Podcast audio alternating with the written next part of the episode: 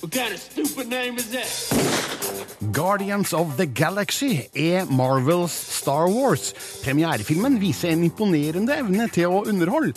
Jeg anmelder filmen. Hovedrolleinnehaver Chris Pratt avslører hva han gjorde da han fikk rollen, og regissør James Gunn forklarer hvorfor en vaskebjørn er filmens hjerte. Hercules er en morsom og velgjort popkornfilm fra Dwayne Johnson og regissør Brett Ratner, som har fått norsk hjelp foran kamera fra Aksel Hennie, Ingrid Bolse Berdal og Tobias Santelmann. Sistnevnte kommer på besøk etter at jeg har anmeldt filmen.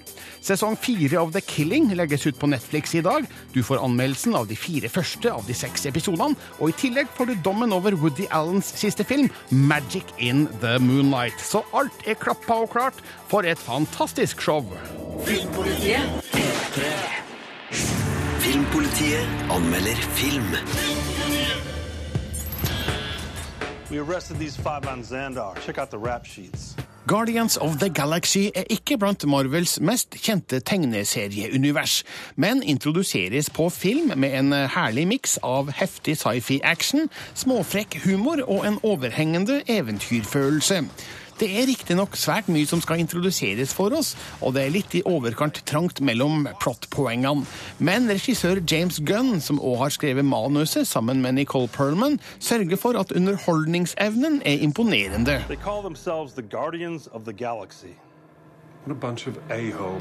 Historien foregår langt ute i verdensrommet, der en gjeng ulike figurer samles i kampen om en mystisk kule med ukjente krefter. Dusørjegeren Quill, spilt av Chris Pratt, får etter hvert selskap av leiemorderen Gamora, spilt av Zoe Saldana, muskelberget Drax, spilt av Dave Batista, vaskebjørn Rakett med stemme av Bradley Cooper og trefiguren Groot med stemme av Vin Diesel. Sammen tar de opp kampen mot Kree-krigen Ronan, spilt av Lee Pace, som har skumle planer med kulas krefter. Galaxy, to. Filmen etablerer en slags forbindelse med jorda i åpningssekvensen, og i Quills stadige bruk av en mixtape med gamle hits. Men filmen foregår andre steder i galaksen, som er rikholdig på ulike verdener og vesener. Det er ingen tvil om at det her er Marvels Star Wars, der Quill er en slags Han Solo som havner i skuddlinja mellom det gode og det onde. Jeg liker Chris Pratt i denne rollen. Han fungerer virkelig godt som en filmhelt med et stort mot, men òg med en feilbarlig personlighet. Samspillet med de andre personene og figurene gir filmen kjærkomment liv, der spesielt den genetisk modifiserte vaskebjørn Rakett er en sentral skikkelse. Det er kanskje litt for mange figurer og sammenhenger som skal forklares til oss på litt for kort tid. Eksempel blir kulas krefter utdypa, men det går så kjapt at jeg ikke rakk å henge med. Men egentlig er ikke det her så viktig. Filmen handler ganske enkelt om å forhindre at slemme krefter vinner over de gode, og her blir vi pepra med digitalt effektmakeri av ypperste merke. James Gunn og hans team greier likevel å holde det narrativet rimelig enkelt, slik at vi til enhver tid greier å holde styr på hvem som gjør hva i bildet. Men til sjuende og sist er det ikke effektene jeg husker best fra Guardians of the Galaxy, det er figurene. Det her er en fargerik samling typer som kanskje ikke er nyvinninger i sci-fi-eventyrsammenheng, men de har nok særpreg til å holde seg interessante gjennom hele historien. Og det lover godt for de neste filmene i serien. Jeg gikk til kinosalen uten særlige forventninger, men kom ut med opptil flere. Terningkast fem. Jeg har nettopp anmeldt Guardians of the Galaxy til en femmer på terningen. Gå inn på p3.no slash filmpolitiet for å lese, se eller høre anmeldelsen om igjen. Men nå over til hovedrolleinnehaver Chris Pratt. Kanskje ikke et veldig kjent navn, men eh, kan bli det nå. Du har muligens sett han i rolla eh, i filmene Her, eh, Moneyball, og han er kanskje mest kjent for rollen som Andy Dwyer i TV-serien Parks and Recreation. Men Guardians of the Galaxy kan bli hans store gjennombruddsrolle. Men det, det var ingen selvfølgelighet at han skulle få rollen som Starlord slash Peter Quill. Han forteller til Filmpolitiets Rune Haakonsen at eh, før innspillinga, når fansen spekulerte i hvem som skulle spille Starlord, så var ikke han nevnt i det hele tatt. Oh man, um, I remember seeing those lists when I was circling the role, and I knew I was up for it. And the, like the fans would release the list of their top twenty guys that they'd want to be in the, in the lead role, and I was never on anyone's list. No one ever once put me on any of those lists that I know of, and so, you know, I felt I felt like a, I did a little victory dance when I got it. You know, I was it was an unlikely casting choice, and but I, I deep down inside I knew they got it right. If we're gonna save the galaxy, we're gonna have to do it together. Partners. So, how would you describe James as a as a director on set? How does he give you notes, and what's what's what's he like? James is not afraid to give you a note to tell you he's not afraid to tell you that what you're doing is not working. Uh, he's definitely a positive leader. He's somebody who's not blinded by enthusiasm. You know, some direct someone directors in this type of situation they'd see how great all this stuff is and say that's great, good enough. It was it was almost never good enough for him, and that's I think really important to remain critical in, in a situation like this. This type of process relies heavily on someone with a vision remaining critical, and so and and, and thorough. He's just thorough.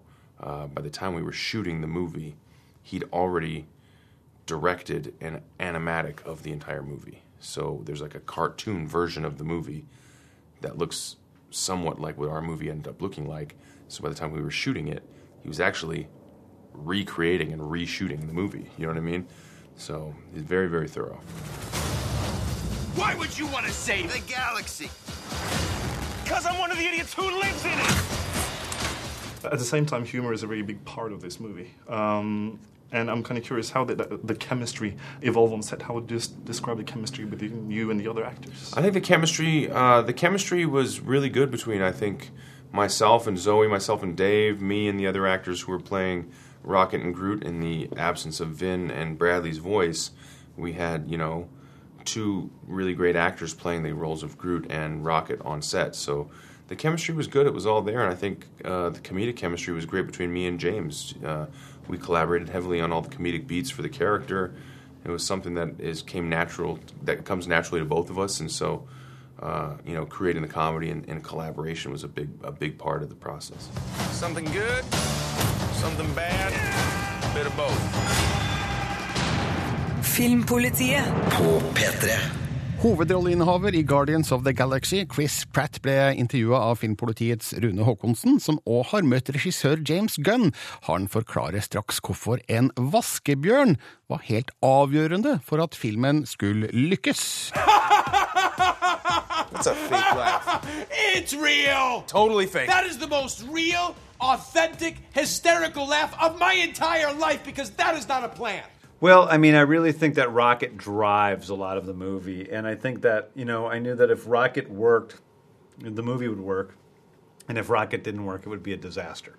Um, and so, for me, you know, from the beginning, I, I put a lot of effort into making Rocket, you know, the best character possible. And a core element of this is, of course, the actors. What qualities were important for you in finding the right actors here? Well, I mean, first and foremost, you know, all the characters on the page are very specific, and so it was finding actors who fulfilled those roles. Um, and secondly, it was important to find somebody who not only fulfilled those roles, but who added a little something extra. And then thirdly, I think it was it was important to find characters, different actors who had different sort of energies that worked off of each other very well. You know, I mean, there's a time that I can think back when uh, we screen tested Chris Pratt and Dave Batista on the same day and we we tested uh, Dave first, and he I asked him to stick around, and then Chris came in because I knew I was pretty much going to hire Chris, and then Chris and Dave acted. I put them on a camera together, and they acted together, and that. That camera test is the reason both of them got the role, or at least Marvel okayed both of them, because there was this great chemistry between the two of them just goofing around that is at the core of this movie. Now, Yeah. Hey, cool, man. No problem. No problem at all. Who are you? Star Lord. Who? Well, Star Lord, man. Legendary outlaw. Uh, and of course, Chris in the role as the Star Lord. How would you describe the Star Lord for someone who's never seen this movie or read any of the comics before? Um, well, Star Lord is just this sort of misbegotten orphan who's had a rough life and has been brought up by this jerk named Yandu and sort of beaten into submission and has uh, been nothing but a, a thief his whole life. And uh, it really hasn't been a very good guy. He's been pretty self centered. And I think for the first time in his life finds greater meaning to something other than himself, which I relate to, frankly. Hey, hey, hey, that's mine. Take those headphones off right now! And this movie is a bit different with in terms of the characters, the humor uh, from other Marvel films. How does this movie fit into the larger universe here? Well, I mean, it is a part of the universe. I mean, that's the great thing is that all of the other you know filmmakers so far who've worked on Marvel movies uh, got to create a little tiny piece of Earth, and I got to create many planets. Um, so for me, it was a lot of fun to be able to sort of you know plant the seeds for the Marvel cosmic side of the Marvel universe. They call themselves the Guardians of the Galaxy. What a bunch of a-holes. Filmpolitiet. Does that sound good to you? På P3. James Gunn ble intervjua av Rune Haakonsen, og du kan se og lese intervjuene med både Gunn, Chris Pratt og også Vin Diesel på p3.no slash filmpolitiet. Diesel som supplerer stemmen til trefiguren Groot, og hans eneste dialog gjennom hele filmen, det er I am Groot. Litt av en rolle som han sikkert fikk fett betalt for. Du kan også lese anmeldelsen av Guardians of the Galaxy på samme nettsted, og terningkast fem er vel fortjent. Filmpolitiet presenterer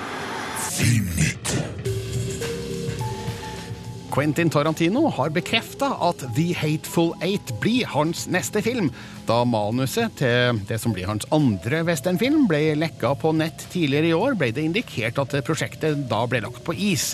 Men da han satt i et panel på Comic-Con sist helg, fikk han et direkte spørsmål fra salen om han fremdeles skulle regissere filmen. Etter litt nøling svarte han altså ja. The Hateful Eight handler om en gruppe dusørjegere og spenninga som oppstår mellom dem når de må søke ly fra en kraftig snøstorm. Produksjonen antas å starte mot slutten av året. Den klassiske skrekkfilmen The Evil Dead blir TV-serie. Dette ble annonsert av filmens regissør Sam Ramy, også det under årets Comic-Con. Han skriver på manus akkurat nå sammen med broren sin, og stjerna fra de tre Evil Dead-filmene, Bruce Campbell, har signalisert at han skal være med. I en eller annen kapasitet, i hvert fall. That's the plan, skrev Campbell på Twitter. Og det er alt vi vet så langt.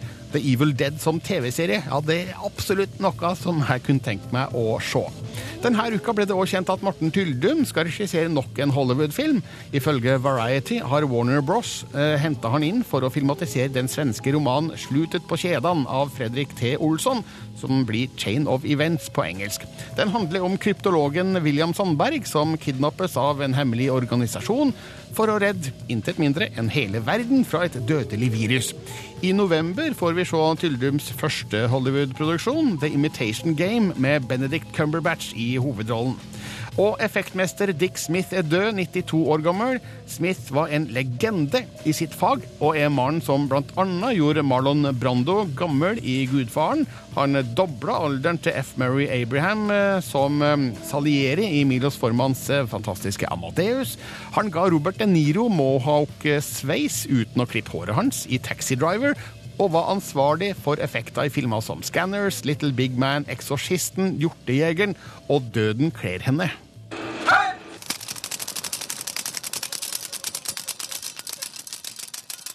Filmpolitiet anmelder TV-serie. I dag starter den fjerde og siste sesongen av The Killing på Netflix. Got a new case. Killed the family, turned the gun on himself. It's a bloodbath. It isn't Kyle. He's incapable of violence. I would never hurt them or anyone. I'm not a monster. Sånn høres det i hvert fall ut i traileren til sesong fire av Netflix-serien The Killing. Sigurd Vik, velkommen. Takk skal du ha, Birger. Du har da sett de fire første av de seks episodene. Men før vi eh, kommer til det viktige her, eh, kanskje litt bakgrunn. Hva er The Killing for de som ennå ikke har eh, sett det her? Ja, The Killing er en amerikansk krimserie basert på en dansk krimserie. Det var Forbrytelsen som var en dansk krimsuksess, litt sånn skandinavisk noir, som var en stor suksess, og som også ble vist i, i utlandet. Om en kvinnelig detektiv som da inspirerte amerikanerne til å lage sin egen versjon. Det er, Vi følger en kvinnelig detektiv, eh, Sarah Linden, som er litt plaga, litt sånn eh, uptight, litt nevrotisk, men selvfølgelig da en meget smart dame som har en eh, god evne til å løse drap, og vi følger hun og hennes partner da i første sesong og andre sesong gjennom et sånt politisk landskap hvor de må nøste opp et, eh, en mordgåte. Og så har vi da en sesong tre hvor det blir litt mørkere og blir litt sånn seriemorderaktig jakt, og nå har vi da kommet fram til sesong fire, som da står på trappene. Ja, Og jeg har forstått på deg at du er litt overraska over at sesong fire fins? Ja, fordi det var nemlig sånn at Forbrytelsen var tre sesonger, og The Killing var tre sesonger. Og selv om de eh, hadde ulike mordere og var litt forskjellige, så var de liksom eh, veldig like i, i handling, i persongalleri, og også eh, i slutten. Altså, de slutta ikke helt likt, men det var en veldig sånn tydelig eh, tematisk eh, slutt som, som endte begge episodene, og den var veldig fin. Altså, vi skal ikke avsløre det her nå, for det er jo folk som ikke har sett, men, men den slutta på en måte med en kvinnelig detektiv som var full av følelser, og som ikke klarte helt å styre seg i møte med sånn brutal ondskap. Og det, det, det funka veldig bra. Hvorfor tror du vi har fått sesong fire her nå, da?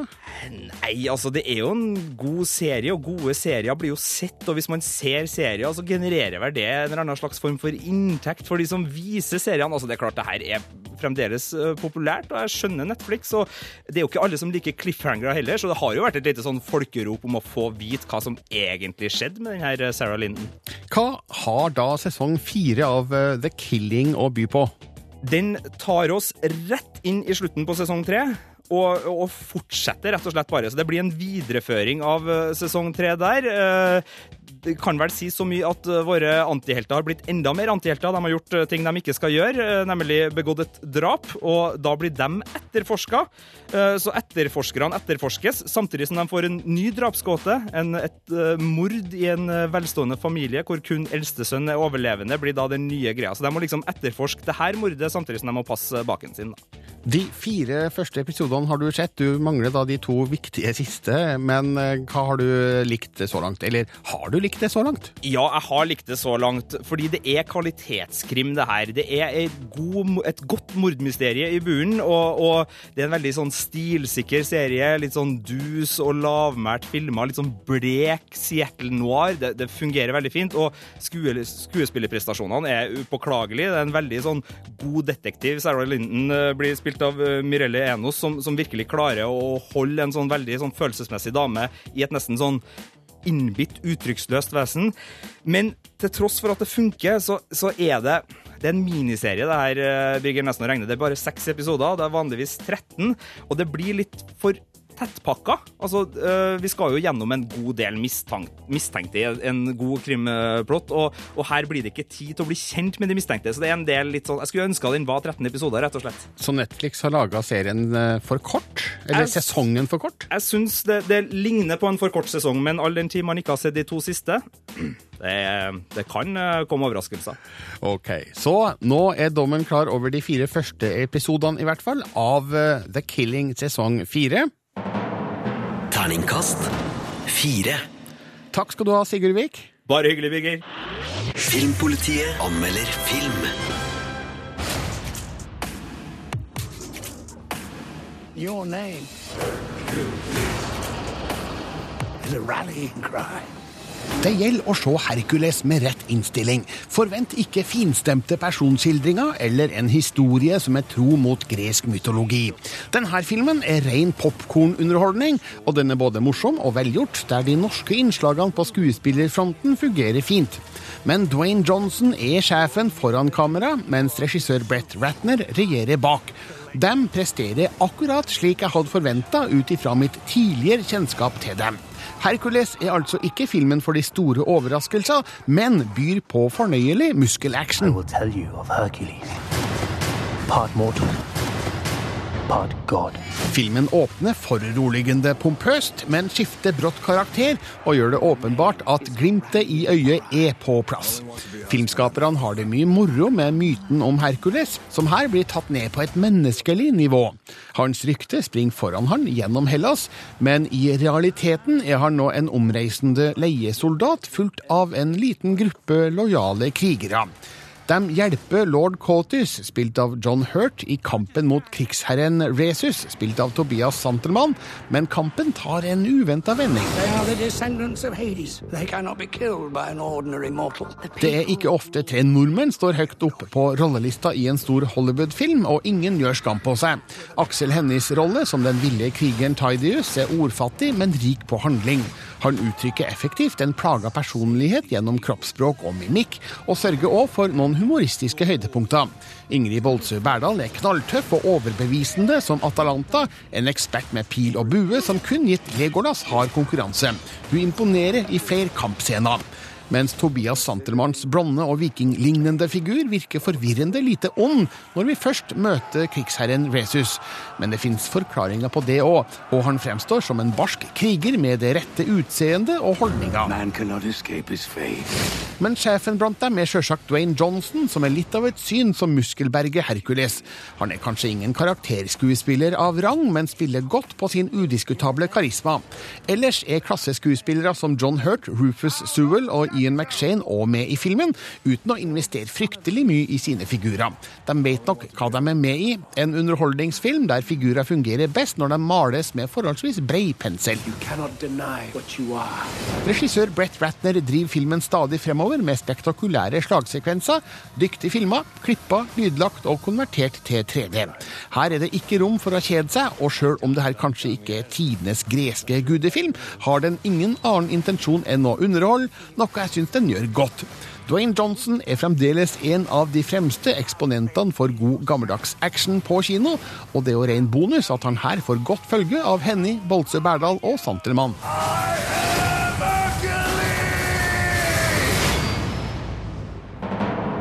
Terningkast fire. Og nå, velkommen hit, Tobias Santelmann. Du, tusen takk for det. Ja, Veldig hyggelig. Her har du ikke vært før. Nei, jeg har ikke det. Nei, Da er det på tide. For eh, eh, som vi snakka om eh, før vi gikk på her nå, den CV-en din den begynner å bli lang og innholdsrik. Ja, nei, jeg har fått uh, gjort mye gøye ting i det siste.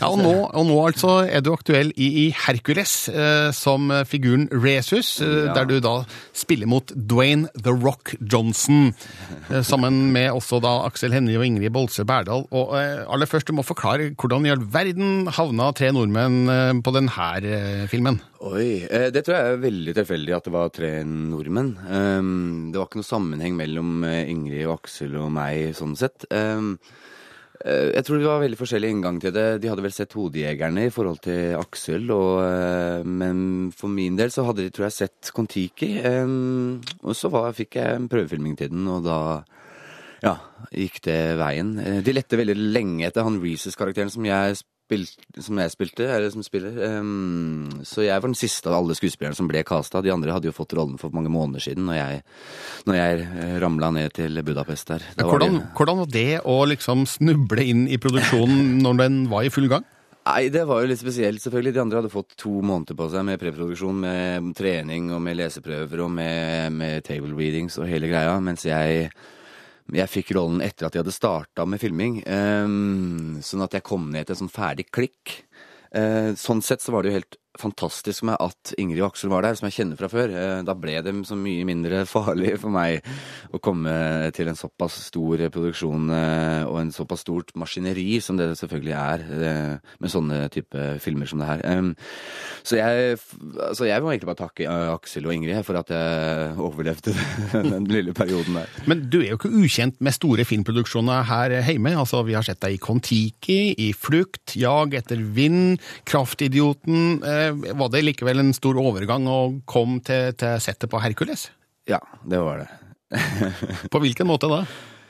Nei, hva skal jeg si? Jeg, jeg, ja, jeg begynte vel første dagen min på sett med å hilse på de, de vaktene som passer på bilene til statistene.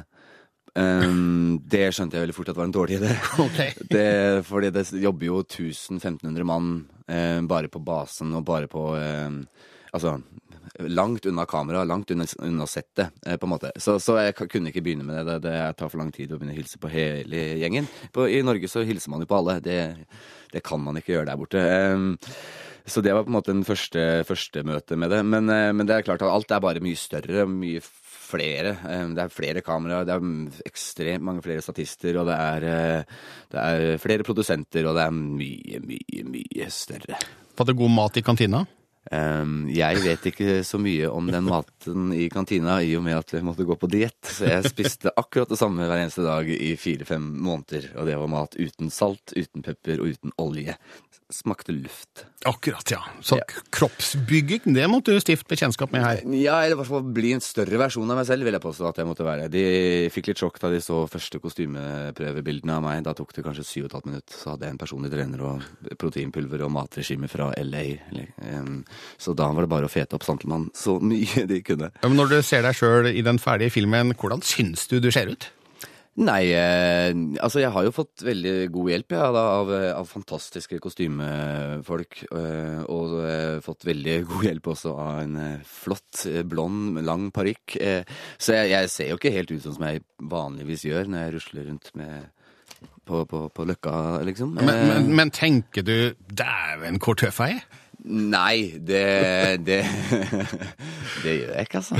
Syns du at jeg var så tøff? Ja. Oh, ja så hyggelig. ja. Nei, nei. Skulle gjerne ha sett sånn ut, for å si det sånn. Ja, ok. Ja, nei, men da, da er det bare å skaffe seg en hest da, og noen, eh, noen, noen fine kostymer, og så er det å la alt gro. Jeg skriver det ned her. Vi må snakke mer om eh, Hercules og eh, den store stjerna Dwayne Johnson, Tobias Santelmann. Ja, det kan vi gjøre. Altså, Når jeg ser han på lerretet, så han er jo så enorm at det er jo nesten latterlig. Hvordan ser Dwayne Johnson ut in real life? Nei, han ser vel eh, egentlig eh, nesten større ut enn det han gjør på skjermen. Han er altså et monster av en mann.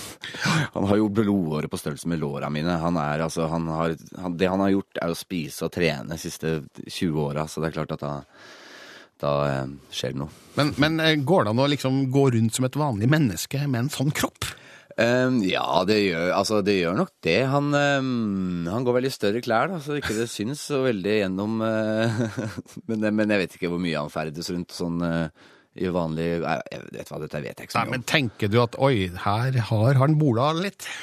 Eh, Ja, jeg vet ikke hva han har gjort, jeg, men, eh, men, men eh, du ser, hvis du følger ham på Instagram og Twitter og sånne ting, så, så skjønner du at det, det er jo ikke det- er mye hard trening bak det. Og det lille matregimet vi hadde gående i de fe- fire-fem månedene vi var i Budapest, det er jo det han lever etter hver eneste dag.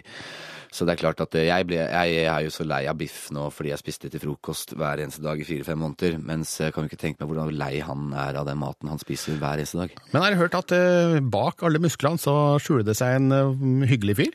Det gjør det, altså. Det, det er jo bare et, liksom, eh, hva skal jeg si, en rustning han har på seg. Han er jo en uh, fin og myk og snill mann under alt det der det der, eh, ja, bulete greiene han har utpå der. Ja. Eh, eh, litt mer interessant kanskje regissør Brett Ratner. Han ryktes jo å være eh, litt av en figur. Vet ikke, hva, Hvilke erfaringer har du høsta med Brett Ratner? Nei, Brett Ratner er en eh, kjempeenergisk type. Han eh, er en propell. Eh, veldig fascinerende å jobbe med. Eh, han kan fryktelig mye, så jeg har lært veldig mye av å jobbe med han. Han gir seg aldri før han har det han vil ha. Han kan ta tagninger 40-50-60 ganger, han. det bryr han ikke. Så lenge han mener at det er noe der som ikke er kommet ennå. Så, eh, og så har han av og til et sånn litt artig måte å, å, å eh, regissere på, um, som ikke jeg har vært borti kanskje før. Han, jeg husker det var en tagning hvor vi skulle komme løpende ut. Uh, det var nattopptak og snakke med ja, hvor mange soldater det var utafor der, husker jeg ikke, men det var vel noe sånt som 2000 statister eller noe sånt. Hvor, hvor jeg også da skulle ha en replikk, um, hvor han etter tagning sånn 50 meter bortenfor i et sånt telt uh, roper 'Tobias! Don't breathe!' Hvor jeg sier hva, hæ? Uh, I can see you breathing! Så tenker jeg, ja, men det er jo ikke så rart, jeg gjør det. Uh, men så viser det seg at han ser frostrøyk ut av munnen min i skjermen. Og det skal han ikke gjøre, for det, skal, altså, det var kaldt, men det skulle ikke være kaldt. Så det hans eh, måte, regigrep var da bare å fortelle meg at ikke jeg skulle puste hele den scenen. Um, som selvfølgelig ikke går an. Så jeg fikk en isbit i kjeften, og da, eh, da, da, løsna, da, da løste det seg. Men eh, ja, han er en interessant type, altså. Men å spille mot Dwayne Johnson og bli instruert av Brett Ratner, eh, moro eller veldig mye pes og skummelt? Nei, kjempegøy. Eh, Det veldig, har vært helt fantastisk moro. Eh, Og jeg har lært veldig, veldig mye av det. Eh, Så det, det Jeg hadde gjerne gjort det igjen. Det er ikke noe som er så avskrekkende at jeg tenker aldri, aldri, aldri igjen. Nei. Når du har sett det ferdige resultatet, du, kan du være enig med min dom som inneholdt ordet popkornunderholdning og terningkast fire? Um, veldig enig kan jeg være i det. Den er en, det er en film som lover at den skal underholde. Den skal være en lettbeint underholdningsfilm med action og med humor og med um, store effektsekvenser. Og så er den, har den en, da en eks-wrestler i hovedrollen.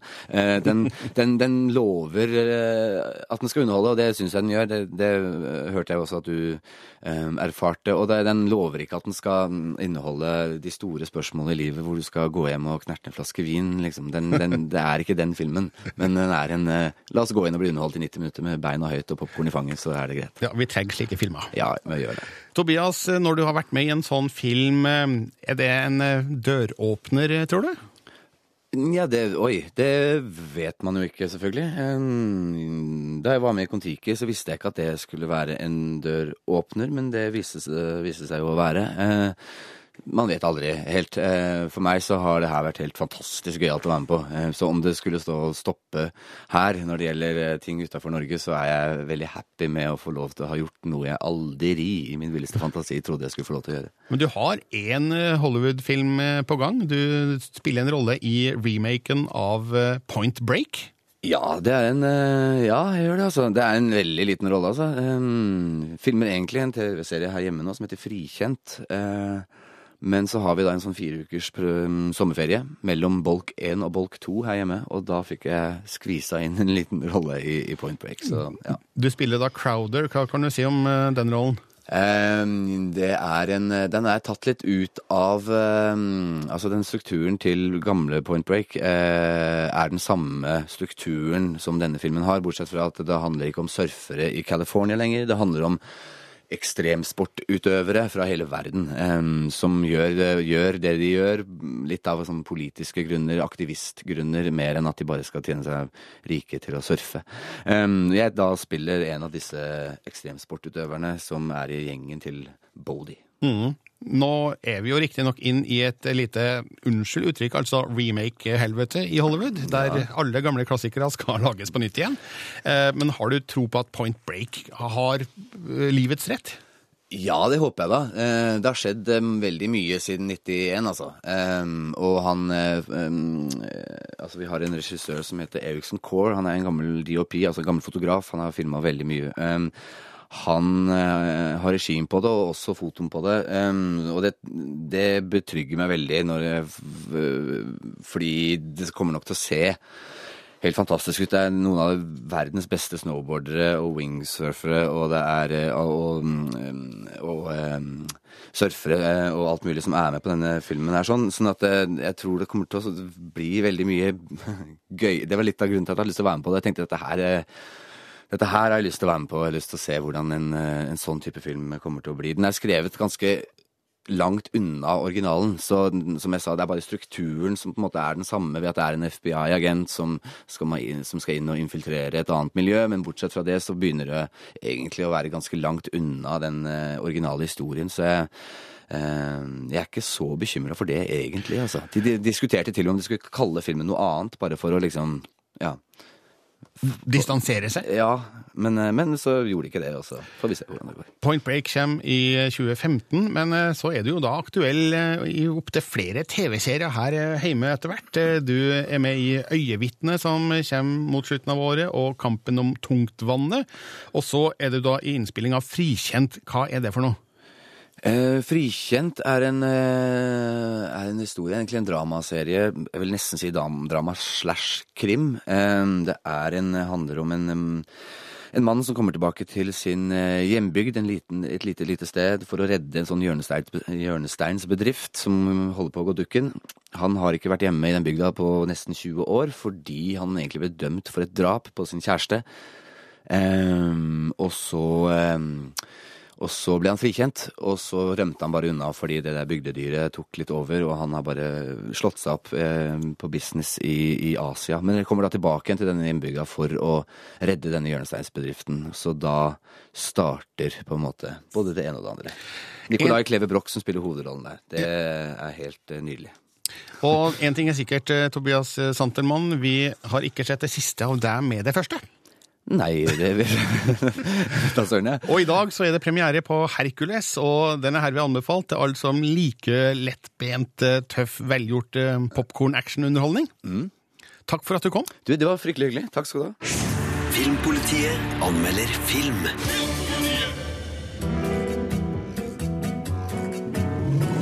I need your help. The plot thickens. The Catledge family are socialized in the south of France. There's a woman who has them believing she's a spirit medium. You are the greatest debunker of fake spiritualists. She won't fool me. Magic in the Moonlight starter som alle andre Woody Allen-filmer, med den samme fonten mot sort bakgrunn, tonesatt av gammel musikk i mono. Men mens hans forrige film, Blue Jasmine, tegna skarpe bilder av menneskers selvbedrag, er Magic in the Moonlight ren kos.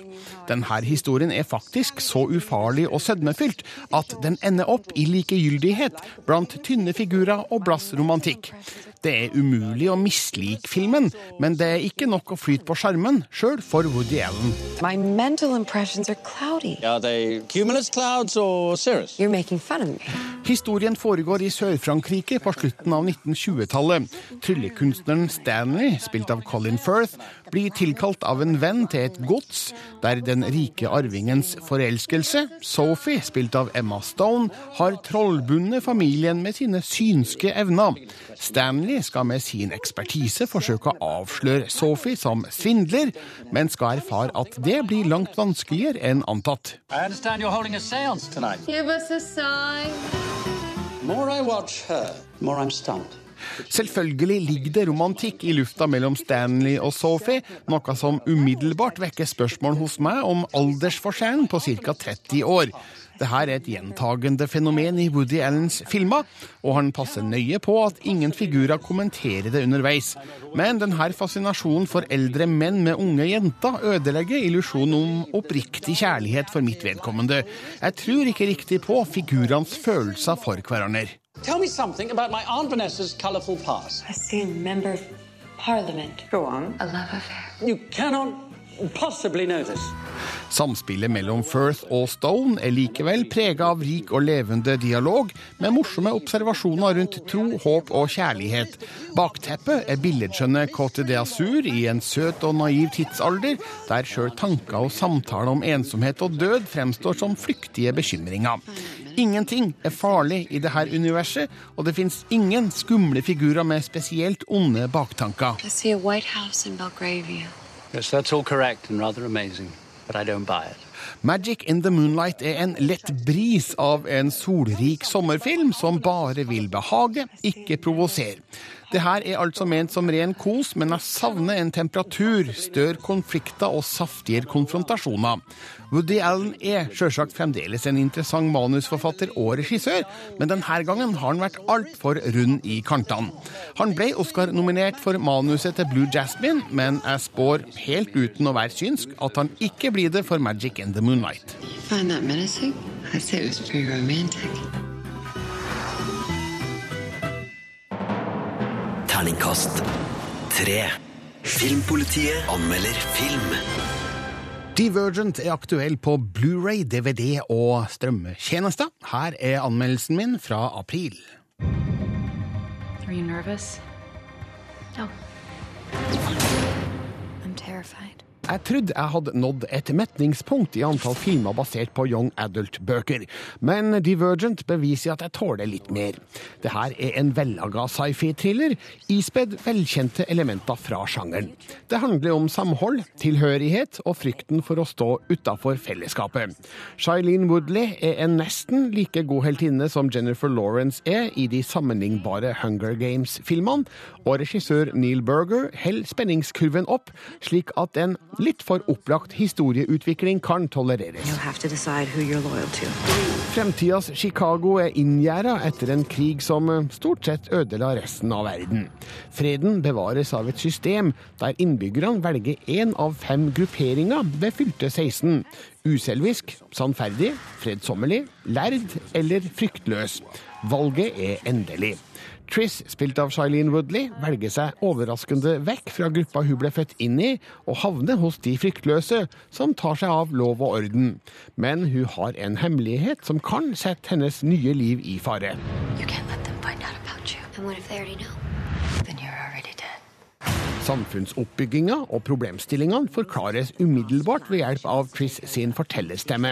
Det er en for enkel utvei. Jeg hadde sett at det her ble fortalt gjennom handlinga i stedet. Men jeg ser òg at det nødvendigvis må ha forlenga filmen. Det her sparer tid og gjør at spenninga kommer i gang fortere. Dessuten er ikke samfunnet som skildres spesielt troverdig, så det er best å glemme alt om realisme. Chris sin vei inn i fryktløs-miljøet er godt skildra, samtidig som de større linjene i historien legges frem i små drypp.